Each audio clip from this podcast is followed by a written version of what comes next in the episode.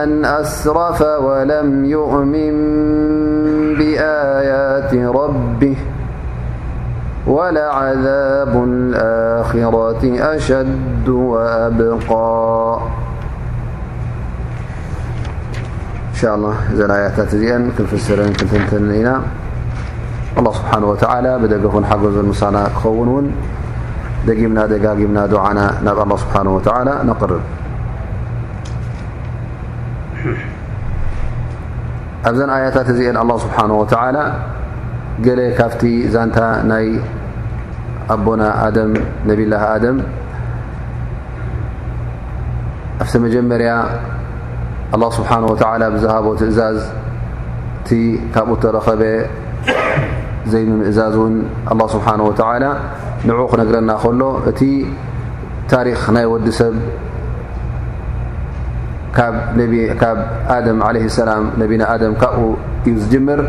እሞ ኸዓ እቲ ሽዑ እተረኽበ ውን ናይ መዋእል ኣስተምህሮ ናይ መዋእል ዒብራ እንወስደሉ ስለ ዝኾነ ኣላ ስብሓን ወተላ እቲ ኣብ መንጎ ኣደምን ኣብ መንጎ ሸይጣንን ዝነበረ ውን ፅልኢ ከመይ ገይሩ ከም እተተኽለ ከመይ ገይሩ እውን ከም ዝቐፀለ እነሀ ኣላ ስብሓን ወተዓላ ነዚ ዛንታ እዚ ይነግረና ኣሎ ማለት እዩ ንዕኡ ዝመስል ዛንታ እውን ብሰፊሕ ዝበለ ቅድሚ ሕጂ ኣብ ሱረት በቀራ ይኹን ኣብ ካልእ ቀሪናን ተዓዚብና ሪኢና ግን ኣላ ስብሓን ወተዓላ ነዚ ዛንታ እዚ እውን ሕጂ ኣብዛ ሱራ እዚኣ ብሕፅር ዝበለ መግለፂ ገይሩ ኣላ ስብሓን ወተዓላ ይገልፀልና ኣሎ ማለት እዩ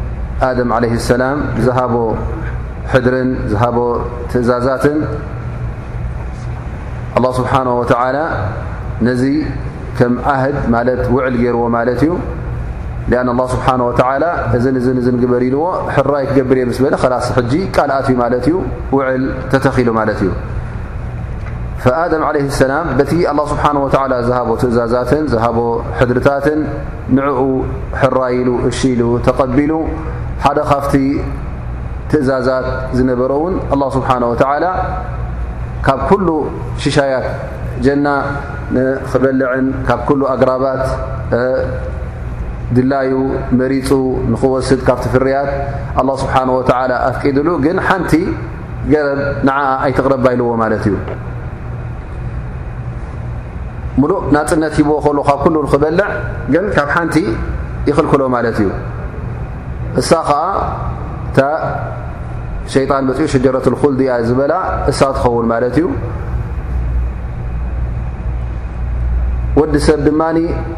ኣላ ስብሓን ወተላ ኩሉ ግዜ እቲ ዝሃቦ ናፃ ድላዩ ንክገብር ምርጫ ኩሉ ግዜ ኣላ ስብሓን ወተላ ግን እንታይ ይገብረሉ ማለት እዩ ገደብ ይገብረሉ ማለት እዩ ሕንፃፃት ይገብረሉ ማለት እዩ ኩሉ ሓላል ዝገብረልና ከሎ ሕጂ ሓራም ዝኾነ እውን ተንቲኑልና ማለት እዩ ምክንያቱ ወዲ ሰብ ስለ ዝኾንካ ኣላ ስብሓን ወተላ ፍልይ ዝበለ ኣፈጣጥራ ፈጢሩካ እምሮ ሂቡካ ኣሎ ማለት እዩ ድላይካ ግበር ተባሂልካ ግን እዚ ድሌት እዚ እውን ኣብ ሓደሓደ ሸነኻት ኣብ ሓደሓደ ቦታታት ገደብ ክህልዎ ኣለዎ ማለት ፍኑ ድልት ክኸውን የብሉን እንታይ ደኣ ዝኣስረካ ክህሉ ኣለዎ ምክንያቱ ስኻ ሰብ ኢኻ ነዛ ነብስኻ እዚኣ ክትቆፃፀራ ክትክእል ኣለካ ማለት እዩ ኣን ላ ስብሓን ወተላ ዓቕሊ ሂቡካ ኣእምሮ ሂቡካ ምእንቲ ምንታይ ርን ጌጋን ፅቡቕን ትመምየሉን ትፈልጠሉን ነብስኻ ድማ ሉጋም ጌርካ ትለግመሉን እንተ ደኣ ኩሉ ፍኑ ኮይኑ እንታይ ኮንካ ማለት እዩ ልክዕ እንስሳ ኮንካ ሰብ ኣይኮንካ ማለት እዩ ኩሉ ሓላልን ሓራምን ዘይፈልጥ መን እዩ እንስሳ እዩ ወዲ ሰብ ግን ኣላ ስብሓን ወተላ በቲ ዝሃቦ ኣእምሮ ካብቲ ናይ እንስሳ ፍልይ ኣቢሉ ክብ ዝበለ ደረጃ ስለ ዝሃቦ ናይ ፈተና ደረጃ ድማ ስለ ዝገበረሉ ሓደ ካብቲ ፈተና ነብላ ኣም ነብና ኣደም ተዋህበ እንታይ ነይሩ ካብ ኩሉ ብላዕ ግን እዛ ሓንቲ ገረብ እዚኣ ኣይትብላዕ ኢሉ ኣላ ስብሓን ወተላ ንነብሱ ምእንቲ ክቆፃፀር ኣደም ዓለ ሰላም እዚኣ ተኣዚዙ ማለት እዩ ላ ስብሓን ወተላ እብትላእ ገብረልካ እዩ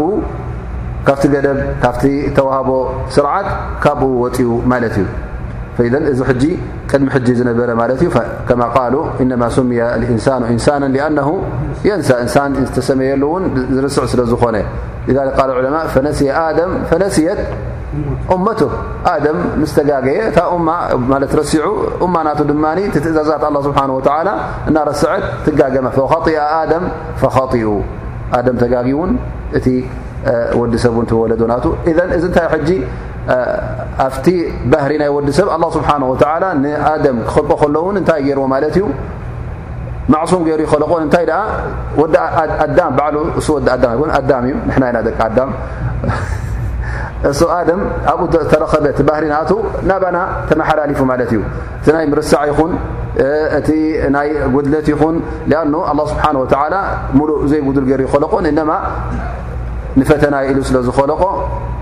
ኣላ ስብሓን ወተላ ወዲ ሰብ ክኽለቕ እንከሎ ኣላ ስብሓን ወተላ ንዕባዳ ኸሊቕዎ ሓደ እቲ ፈተና ናቱ ድማ እቲ ዕባደትላ ንምግባር ስለ ዝኾነ ሕጂ እቲ ባህሪ ናይ ኣዳም እውን ናብቶም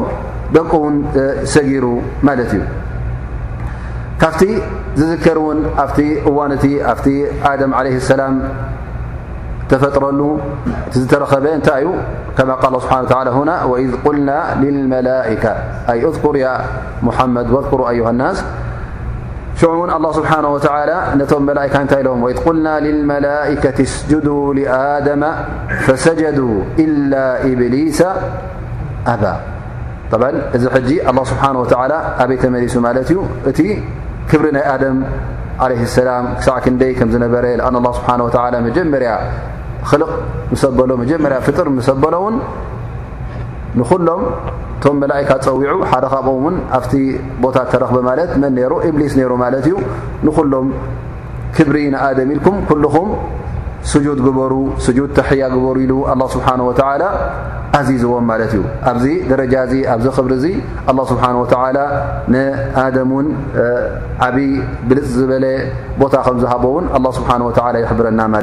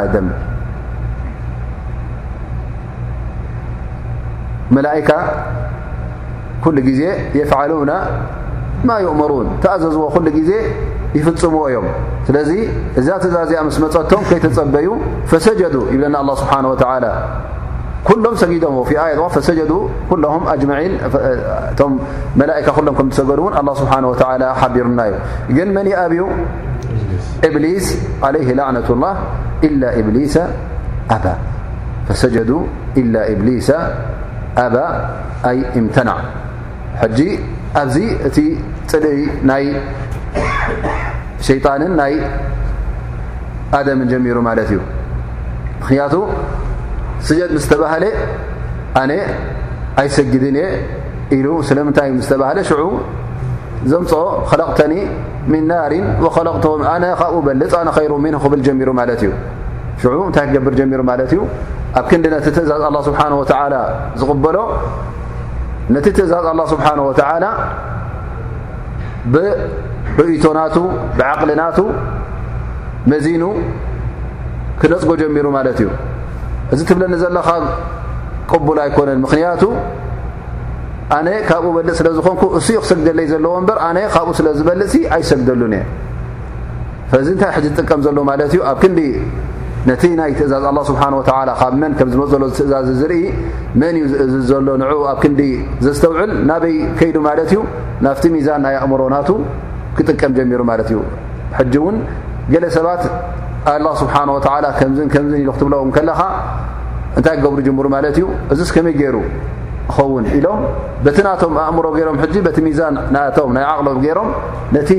ኣብ ቁርን ዘሎ ኣብ ሱና ነቢ ዘሎ ብሩህ ዝኾነ ኣያታት ንዑ ክነፅጉ እንተ ተረኺቦም እዞም ሰባት እዚኦም ንመን እዮም ዝኽተሉ ዘለዉ ተማሃሮ ናይ መን እዮም ናይ ሸይጣን እዮም ኣ እሱ እቲ መጀመርያ ነዛ ጉዳይ እዚኣ ዝገበራ ማለት እዩ ዓቕሉ ብምርኡ ናቱ ኣነ ካብኡ በልፅ እንታይ ኣነ ካብኡ ካብ ሓዊ ስለ ተኸለቕኩ ንሱ ካብ ጭቃ ስለ ዝኸለቕካ ኣነ ካብኡ በልፅ ስለዚ ኣነ ከኽብሮ የብለይን በቲ ዝኣዘዝካኒ እውን ክሰግድ የብለይን ኢሉ ሕጂ ነቲ ትእዛዝ ኣላ ስብሓን ወተዓላ ክነፀግ ረኺብናዮ ማለት እዩ ላ ስብሓን ወተዓላ ነዚ ዛንታ እዚ ጠቒሱ እቲ ተፅልኢ ዝነበረ ሽዕኡ ኣላ ስብሓን ወተዓላ የረጋግፀልና ኣሎ ማለት እዩ ወላ ስብሓን ወተዓላ ሸዓን ንሸዓን እውን ንኣደም ዓለ ሰላም እዚ ሰብ እዚ ፍጡር እዚ እዚ ሸይጣን እዚ ፀላኢኡ ከም ምዃኑ ብድሕሪ ሕጂ እውን ከም ዘይራኸቡ ብድሕሪ ሕጂ እውን እዚ ፍጡር እዚ ር ከም ዘይደልየሉ ንኣደም ዓለ ሰላም እንታይ ይገብረሉ ማለዋት እዩ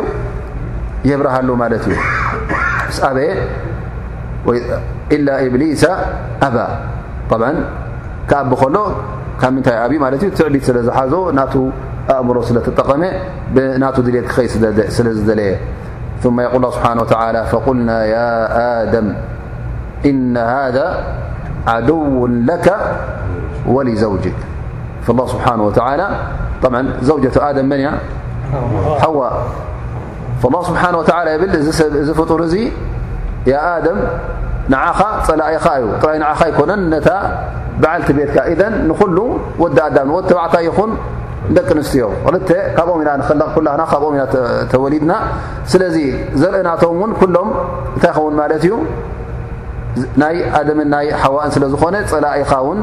እሱ ይኸውን ማለት እዩ ላ ስብሓን ወተላ ሸዓ ንሸዓን እውን ይገልጸሉ ኣሎ ሸዓ ንሸዓ እውን የብርሃሉ ማለት እዩ ፈላ ይኽሪጀናኩማ ምና ልጀነቲ ፈተሽቃ ካብዚ ፍጡር እዙ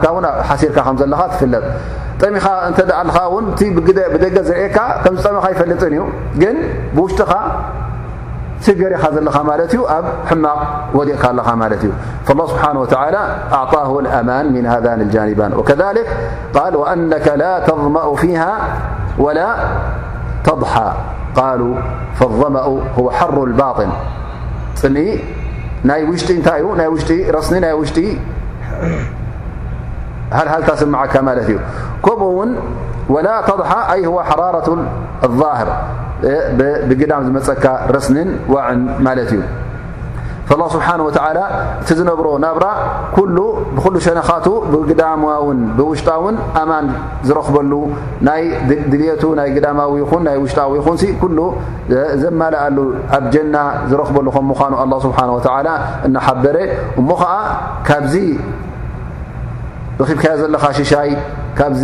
ረኺብካዮ ዘለኻ ንዕማ ንስኻን በዓልቲ ቤትካን ሓዋ ካብኡ ንኸየውፃኩም እዚ እብሊስ እዚ እዚ ሸይጣን እዚ ካብኡ ተጠንቀቑ እዩ ዝብሎም ዘሎ ኣላ ስብሓን ወተላ እዚ ሕጂ እዚ ተዋሂቦሞ ዘለዉ እንታይ እዩ ዓብዪ ነገር ዓብይ ወዲ ሰብ ን ኩሉ እንተ ብግዳሙን ብውሽጡን እተ ዓሪፉ ካብኡ ንላዕሊ نتيخدل ملت ي كماليت زي كين ننفس أ رخب ملت ي ثم يقول الله سبحانه وتعالى فوسوس إليه الشيطان قال يا آدم هل أدلك على شجرة الخلد وملك لا يبلى ሸይጣን ድማ በታ ዝኣተዋ ቃል ላኣሕተኒከነ ወذርየተ እና ኢሉ ላኣቁደና ለ ስራጠከ ሙስተቂም እናበለ እቲ ዝመሓሉን ዝጣሓሉን ሕጂ ጌና ግዜ ከይወሰደ ከሎ ነዚ ነገር እዚ እውን ምስ መን ጀሚርዎ ማለት እዩ ምስ ኣደም ጀሚርዎ ማለት እዩ ጌና ኣብ ዙርያ ከይበፅሖ ከሎ ኣደም ሸይጣን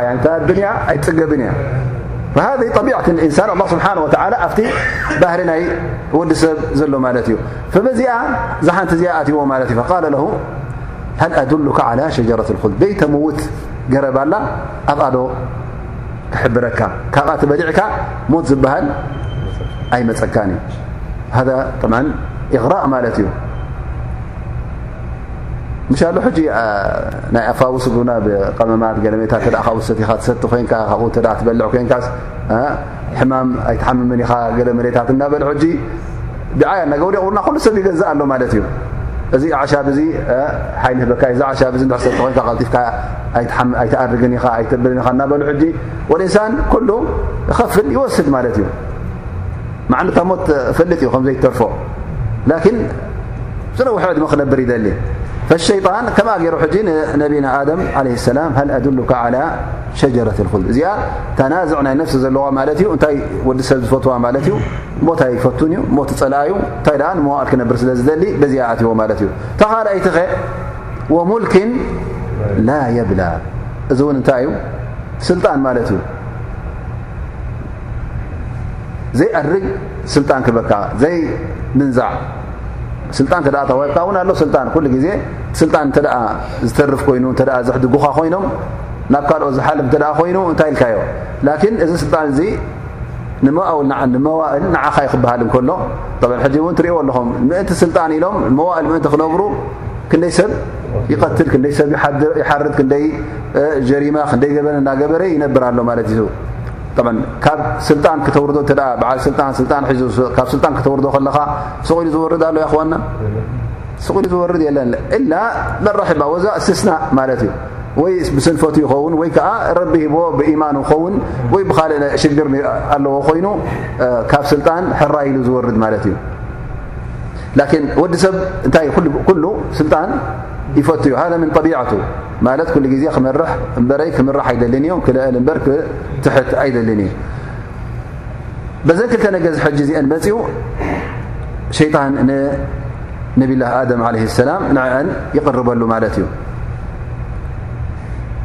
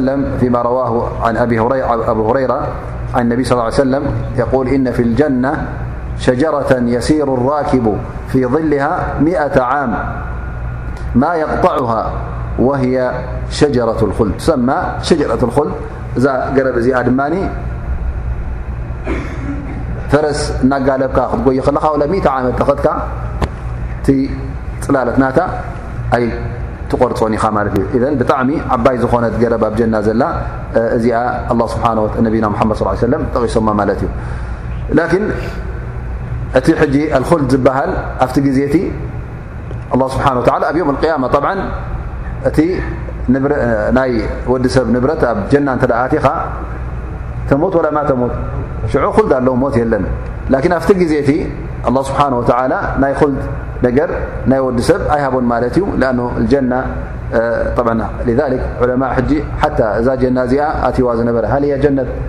እዛ ናይ ዮም ያማ ኣ ስብሓ ክንኣትዋ ቆፂርና ዘሎ ንሳ ድያ ወይስ ካልእ ጀና ኢሎም ዑለማ ሕጂ ነናቶም ዘረባ ውን ዝሃብሉ ኣለዉ ሃ ነፍሲ ጀና ኣ ጀና ራ እናበሉ ሕጂ ዝተፈላለየ መልሲ ዝሃብ ኣለዉ ላኪን ዓላ ኩልን እዚ ኩሉ ሰዋእ ፈጥና ኣይፈለጥናዮ ኣብ ነቲጃ ከብፅሓና ስለ ዘይክእል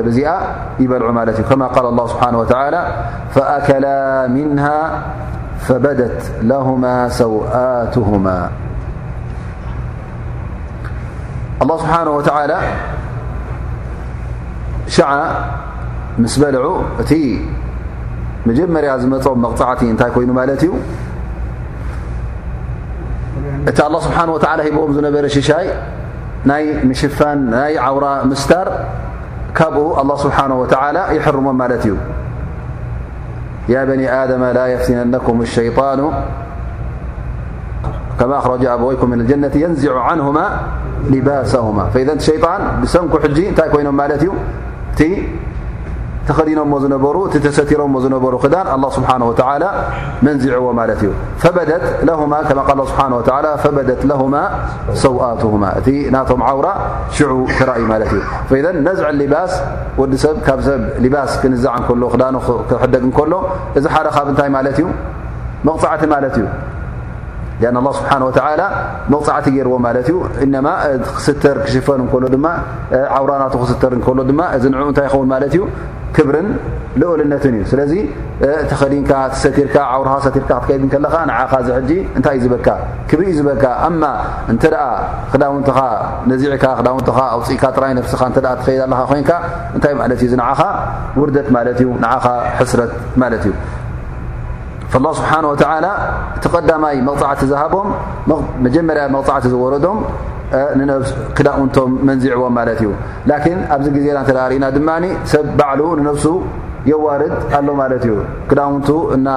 ኣፋኾሰ ደቂ ተባዕትዮ ይኹኑ ወላ እውን ደቂ ኣንስትዮ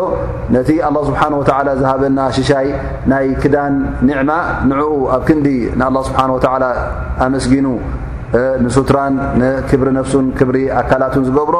ንዕኡ እና ኣፋኾሰ ሕጂ እንታይ ኮይኑ ማለት እዩ ጥራይ ነፍሱ ዳርጋ ክኸይድ ይርከብ ማለት እዩ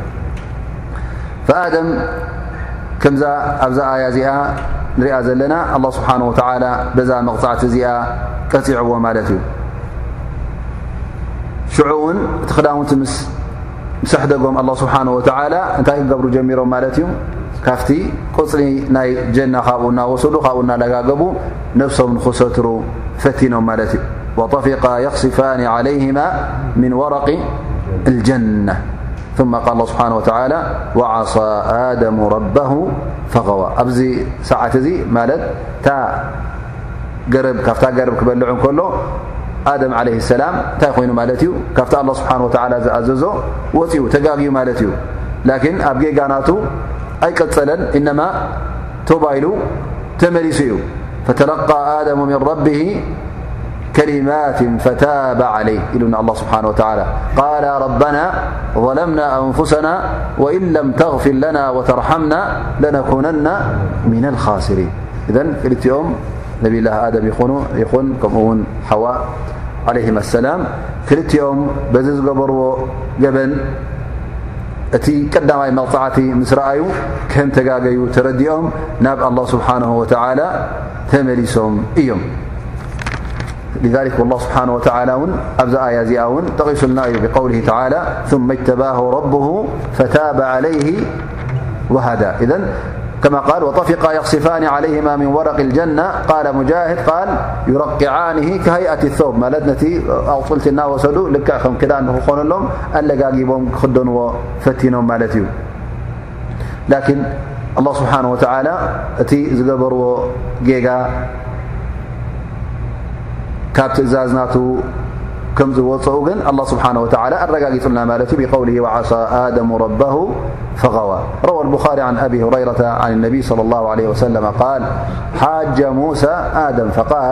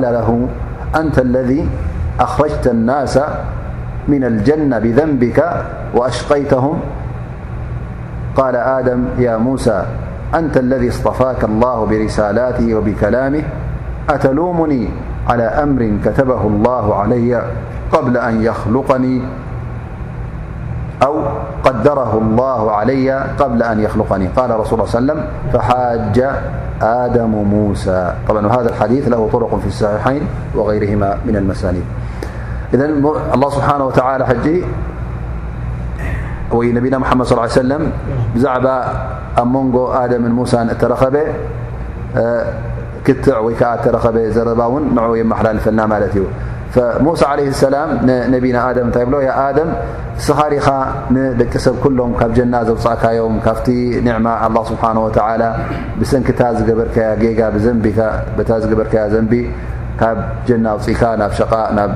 ድኽመት ናብ ተዓብ ኣውሪድካዮም ይብሎ ማለት እዩ ኣደም ለ ሰላም ይብሎ ያ ሙሳ ኢሎ እስኻ እንዲ ኣላ ስብሓን ወተላ ንዓኻ እንዲ መሪፁ ብንኽልእከካ ብሪሳላት ከምኡ ውን መሪፁ ንዓኻ ተዛሪቡካ እሞ ከመይ ጌርካ ንዓይ ተሓምየኒ እዚ ነገር እዚ ኣላ ስብሓን ወተዓላ ቀደም ፅሒፍዎ ዝነበረ ዝኾነ ነገር ዝሓለፈ ነገርሲ ንዓይ ስለምንታይ ተሓምየኒ ኢሉ መሊስሉ ማለት እዩ ስለዚ እቲ ነገርሲ ኣላ ስብሓን ወተላ ከቲብዎ ነይሩ ኣነ እውን ተጋገ ግን ቶባ ከም ዝበለ ግን ኣላ ስብሓን ወተላ ሓቢሩና እዩ ስለዚ ሕና እቲ ካብዚ እንወስዶ ፋይዳ እንታይ ክኸውን ኣለዎ ማለት እዩ እቲ ጌጋ እንተ ተረኪቡ እውን ቀልጢፍካ ናብ መን ክትምለስ ኣለካ ናብ ኣላ ስብሓን ወተላ እዘ እንተ ኣደም ተጋግዩ እማናቱ ተጋግያ ኣደም ረሲዑ እማናቱ ረሲዓ ካብ ኮነት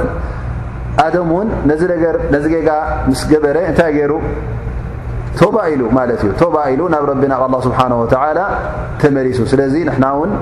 ተጓይና እንተ ጌጋ ገርና ጌጋ ክንፍፅም ከለና ተጋጊና ናብ ኣላ ስብሓን ወተላ ናብ ረብና ክንምለስ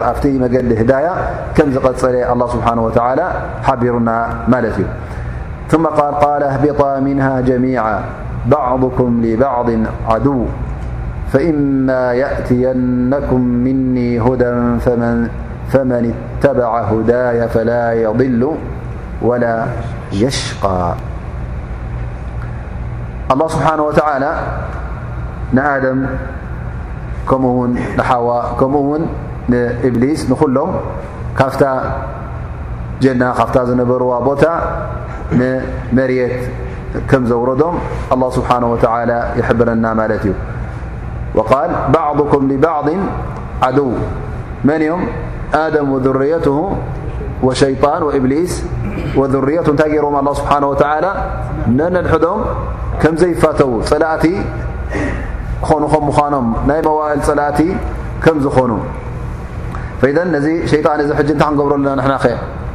ክንፀልኦ ኣለና ፀላኢና ስለ ዝኾነ ፀላኢኻ እንታይ ትገብሮ ፀላኢኻ ትፀልኦ ፀሎ እንተ ኮይንካ ኸ እንታይ ትገብር ካብቲ መንገዱ ትርሕቕ ካብቲ ስራሕናቱ ትርሕቕ ንዕኡ ኣይትሰምዕን ምኽሩ እውን ኣይትቕበልን ذ ስብሓ ወላ ኣብዚ ኣያ እዚኣ የብርሃና ኣሎ ማለት እዩ ጌና እቲ ኣደም ኣላ ስብሓን ወተላ ካብታ ዝነበራ ቦታ ካብ ናይ ጀና ንመሬት ከውርዶ እንከሎ ሸዓ ገሊፅሉ እዩ ኣላ ስብሓን ወተላ እዚ ፍጡር እዚ ፅላይኡ ከም ምዃኑ ፅላይኡ ስለ ዝኾነ ድማ ድሕሪ ሕጂ ክቐርቦ ከም ዘይብሉ ምኽርናቱ ክሰምዕ ከም ዘይብሉ ብድሕሪኡ እውን ኣላ ስብሓን ወተላ እዚ መግለጺ ጥራይ ሂቡ ኣይኮነን ሱቕ ዝበለ እንታይ ደኣ ብድሕሪኡ ውን ኣንብያ ክሰድድ ከም ምዃኑ ክታብቲ ከውርድ ከም ምዃኑ በብዓይነቱ መብርህታት ውን ከመሓላለፍ ከም ምዃኑ ኣላ ስብሓን ወተላ ይሕብር ኣሎ ማለት እዩ ብቀውሊ ተላ ፈእማ የእትየነኩም ምኒ ሁዳ እዚ መዓስ እዩ ብድሕሪ እቲ ምውራድ ናቶም ማለት እዩ እንተ ደኣ ብድሕሪኡ ውን ክታብቲ ኮይኑ ልኡኻን ኮይኖም መብርህታት ኮይኑ እንተ ደኣ መጺእኩምሲ ነቲ ናተይ መብርሂ ተቐበልዎ ነቲ ናተይ ሓቂ ነቲ ናተይ ልኡኽ ተቐበልዎ ኢኹም ሽዑ እንተ ደኣ ንዕኡ ተቐቢልኩም ሁዳ ናይ ኣላ ስብሓን ወተላ ተኸትልኩም ማለት እዩ ሓበሬታ ኣላ ስብሓን ወተላ ተኸትልኩም ማለት እዩ እንተ ደኣ ናይ ኣላ ስብሓን ወተላ ሓበሬታን መብርህን ተኸትልኩም ከዓ ፈፂምኩም ኣብ ጌጋ ኣይክትወድቁን ኢኹም ፈፂምኩም እውን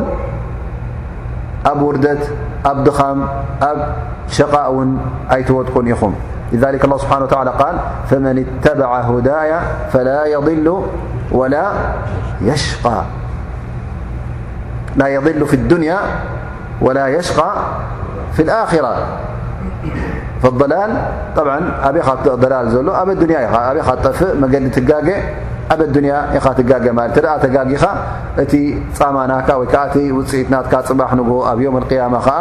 እንታይ ይኸውን ማለት እዩ እተ ተጋጊኻ ኣብ ሸቃ ኣብ ዓዛብ ኣብ ስቃይ ትወድቕ ማለት እዩ እንተ ግን መገዲ ኣላ ስብሓን ወተላ ተኸትልካ ግን መገዲ ሓቂ ሒዝካ እተ ከድካ ግን ካብ ጥፍኣት ድሒንካ ማለት እዩ ካብ ሸቃእን ካብ ቅርስስነትን ድሒንካ ናብ ሰዓዳን ናብ ፍስሃን ኣቲኻ ማለት እዩ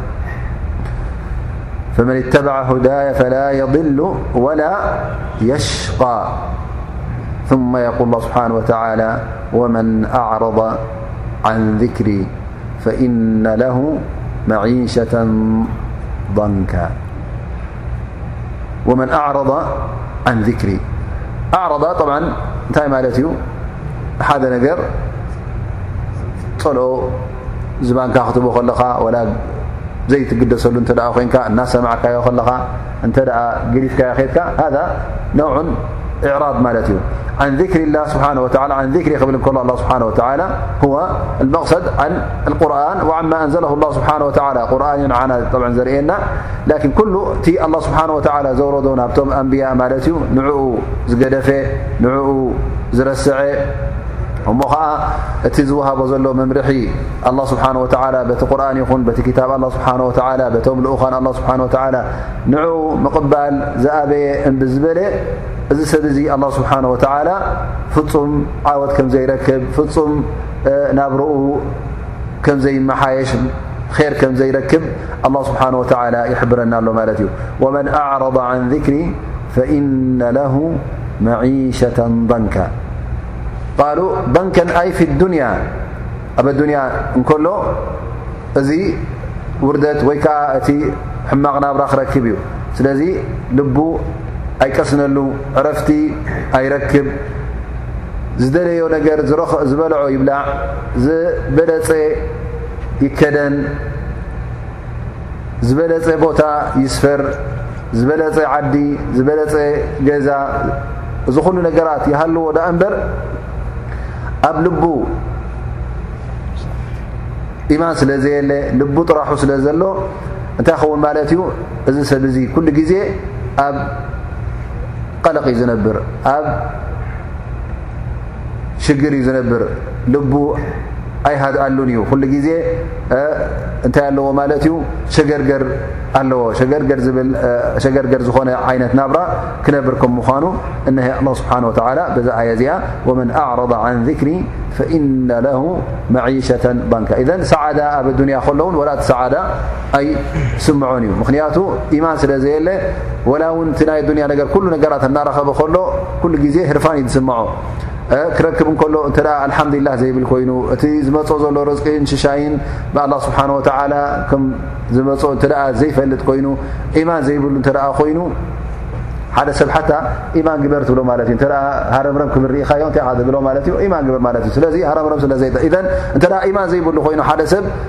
እዛ ዱንያ እዚኣ ጽገብ ኮይና ይስምዖን እያ እነማ መን እቲ ነዛ ዱንያ እዚኣ ዝጸግባ ነዛ ዱንያ እዚኣ ወላ በዱንያ ከሎ እንተ ደኣ ርክቡ ምስ ኣላ ስብሓን ወተዓላ ተሪር ርክቡ ምስ ኣላ ስብሓን ወተዓላ እንተ ደኣ ጽቡቕ ኮይኑ ኩሉ ግዜ እንታይ ዝስምዖ ማለት እዩ ደስታን ዕረፍትን ይስምዖ ማለት እዩ ላኪን እንተ ምስ ኣላ ስብሓን ወተዓላ ርክቡ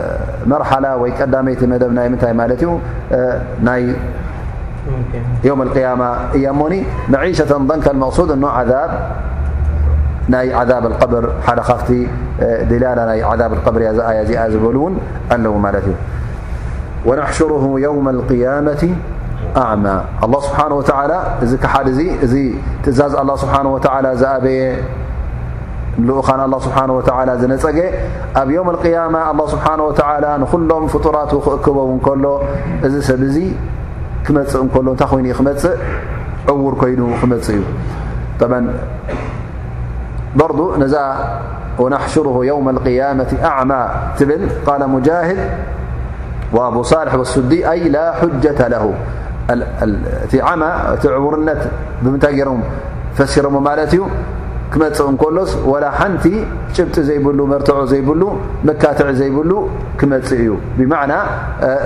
ተሳዒሩ እዩ ማለት እዩ ተሳዒሩ ክመፅእ እዩ ሓንቲ ዝብሎ ነገር የብሉን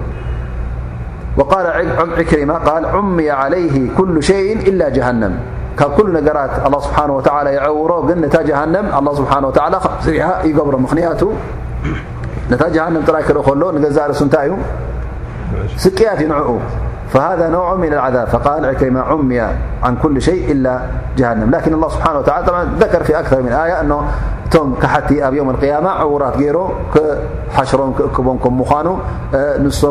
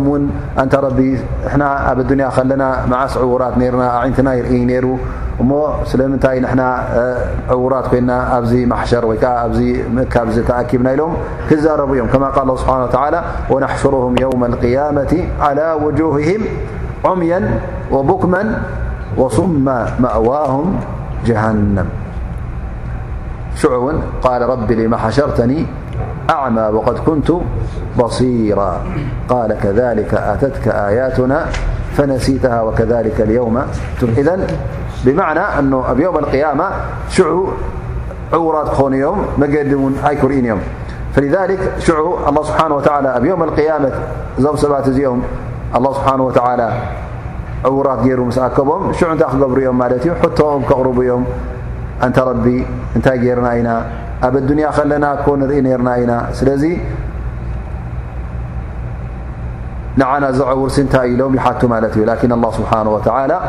እቲ ጠንቂ ወይ ከዓ እቲ ሰበብ ናይ መዐወሪኦም ኣላ ስብሓን ወተላ ይነግሮም ማለት እዩ ቃለ ከሊከ ኣተትካ ኣያቱና ኣዩሃ ልካፍር ኣንታ ክሓዲ ኣንታ ተኣብ ዝነበርካ በዱንያ ከለኻ እቲ ናህና ኣያታት እቲ ናትና መርትዖ እቲ ናትና ሓበሬታ ኣብ ኣዱንያ ከለኻ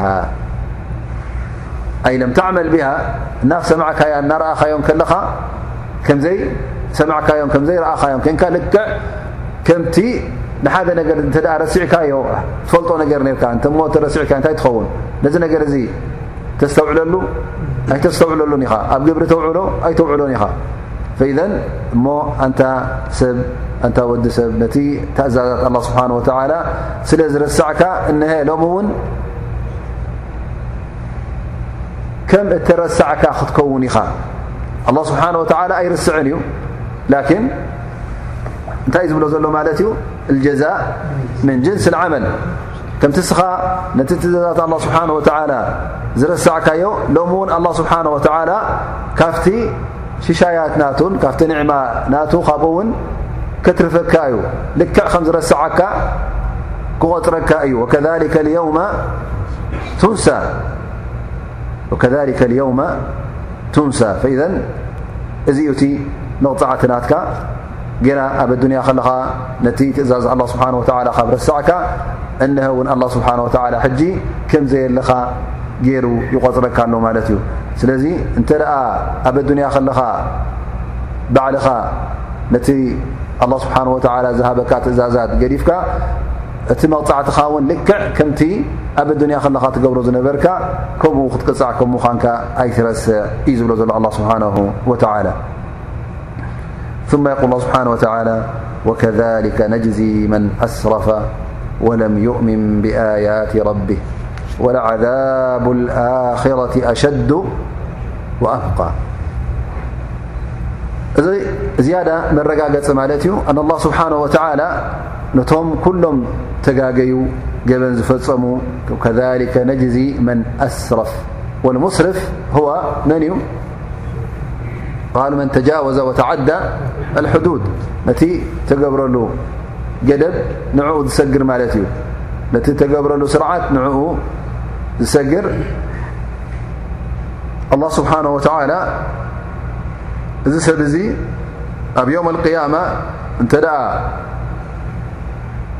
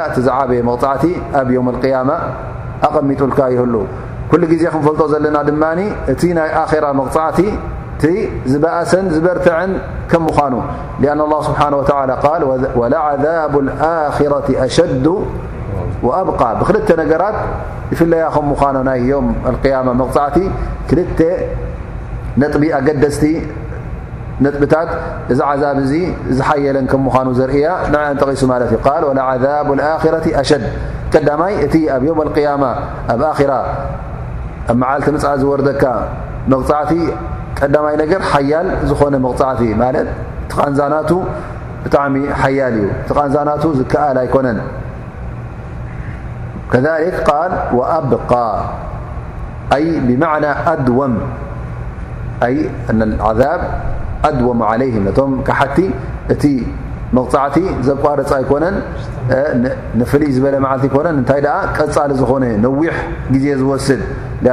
ናይ ኣዱንያ እንተ ደኣ ርኢና እታ ኣዱንያ ንገዛእ ርእሳ ውስንቲ ስለ ዝኾነት እቲ ኣብኣ ዝወርደካ መቕጻዕቲ እውን ውሱን ይኸውን ማለት እዩ ስለዚ እቲ ናይ ኣኼራ መቕጻዕቲ ብክልተ ፍልይ ዝበለ ነጥብታት ብአን ዝለዓለን ደረጃ ይኸውን ማለት እዩ ሊክ ነቢ صለ ላሁ ለ ወሰለም እቶም ኣብ ግዜ ነቢና ሙሓመድ ለ ላه ለ ሰለም መጺኦም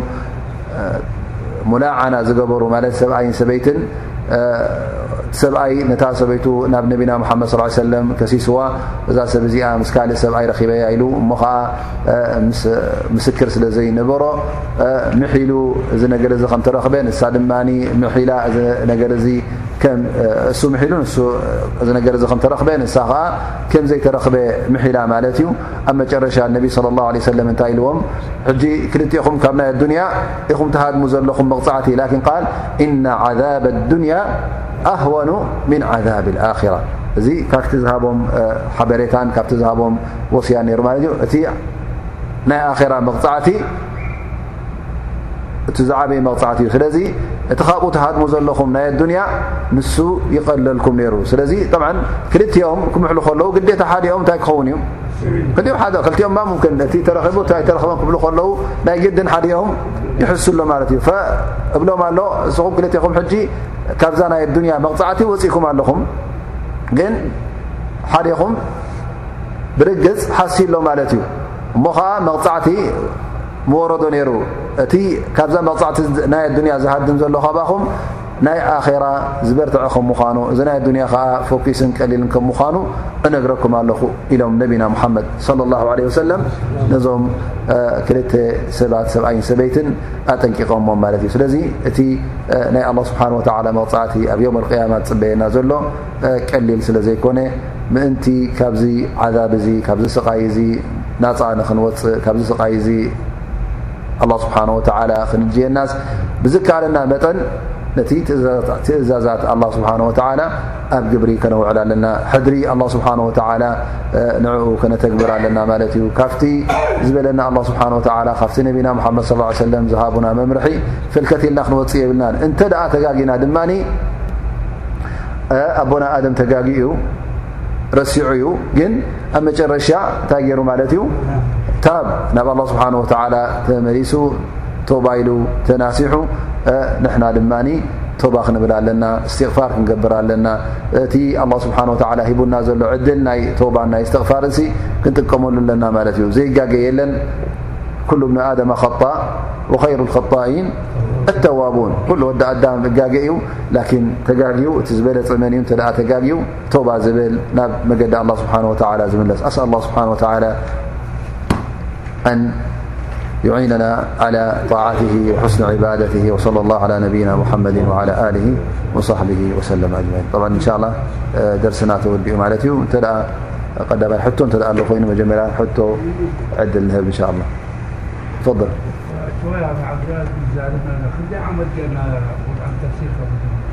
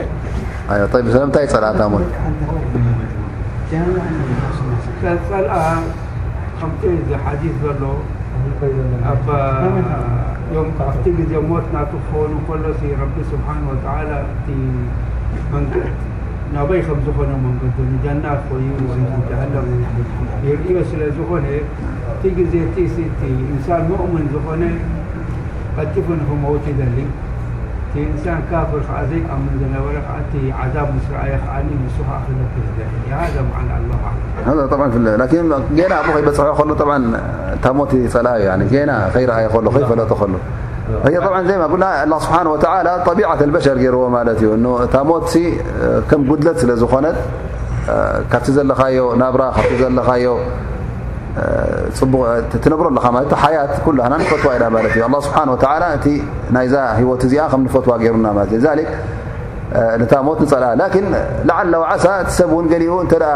ዝሓዝኮ ዘይብለይ ዝብል ኮይኑ እተ በዓል ኢማን ኮይኑ እታ ሞት ዝፈርሃ እንታይ እዩ ሕሳብ ስለ ዘሎ ድሕሪ ሞት እሞ ሓደ ሰብ ሓደ ናብ ነቢና ሓመድ ስ ሰለ መፅኡ መተ ሳዓ ምስ በሎ እንታይ ኢልዎ ማዛ ዕደድታ ለሃ ንስኻ ሓ ናይ ፅባሕ ትሓታ ኣለኻ እንታይ ኣዳሊኻ ኣለኻ ላዓላ እቲ በዓል ር በዓል ኢማን ዝኾነ ሰብ ካብዛ ሞት ክፈርህ እንከሎ ስለምንታይ ይፈርሃ ኣ ያለም ማ ባዕድሃ ፅባሕ ንግሆስ ዘዳለዎ እንታይ ኣዳልየ እየ ሞኒ እንታይ ሒዘ እየ ክኸይድ ዝብል እንተ ደኣ ኣለዎ ኮይኑ ካብ ሞት ይፈርህ ማለት እዩ እቲ ካፍር ድማ ካብ ምንታይ ስለምንታይ ይፈርህ ሊኣኖ ኣስለን እታ ሙትዓ ናቱ እታ ጀና ናቱ እንታይ እያ እዛ ኣዱንያ ካብ ኣዱንያ ክትፈልዮ ከለካ ካብታ ንሙትዓ ናቱ ጠብዓ ነታ ሞት ይፀልኣ ማለት እዩ ኣይፈትዋን ማለት እዩ ላኪን እንተ ደኣ እዛ ካን ዋሓድ ርግፀኛ እንተ ኮይኑ ንጀና ክኣቱ ከም ምዃኑ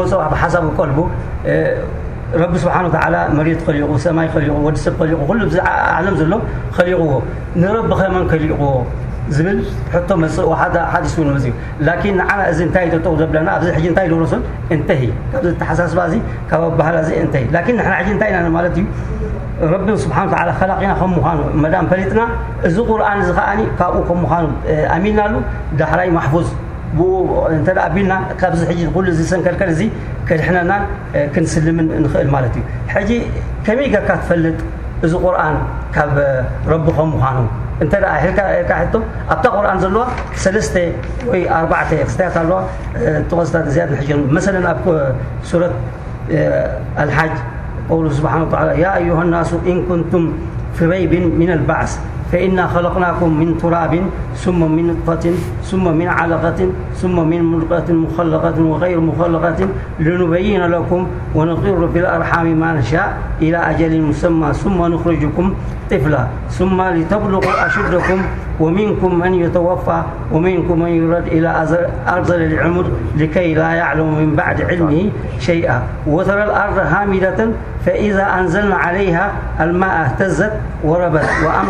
كل زوج بهج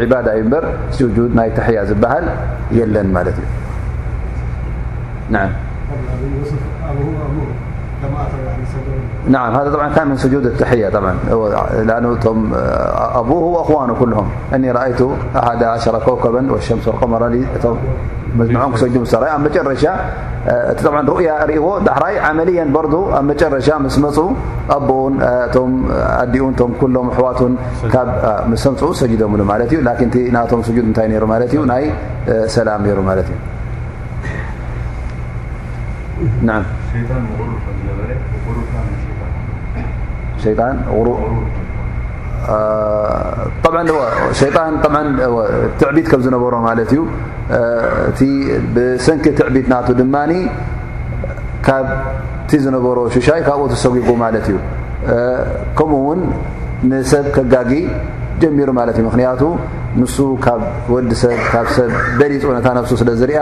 ትዕቢት ስለ ዘለዎ ብሰንኪ ትዕቢቱ ንነፍሱ ኣዋሪዱ ንወዲ ሰብ ድማ የጋገ ከም ዘሎ ሎ መዓልቲ እውን ተረዲእና ማለት እዩ ንዓም ይኳና በዚ ዘለኹም ኣሕዲጎምኹም ሎም መዓልቲ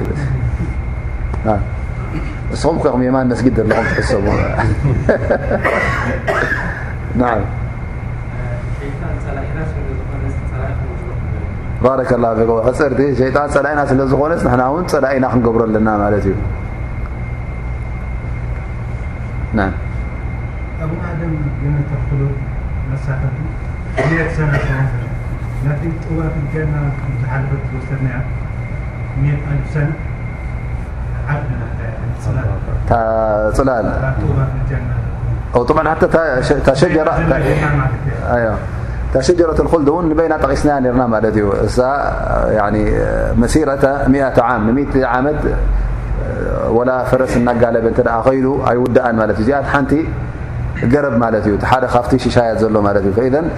እቲ ናይ ዮም ኣልቅያማ ዝፅበየና ዘሎ ሽሻያት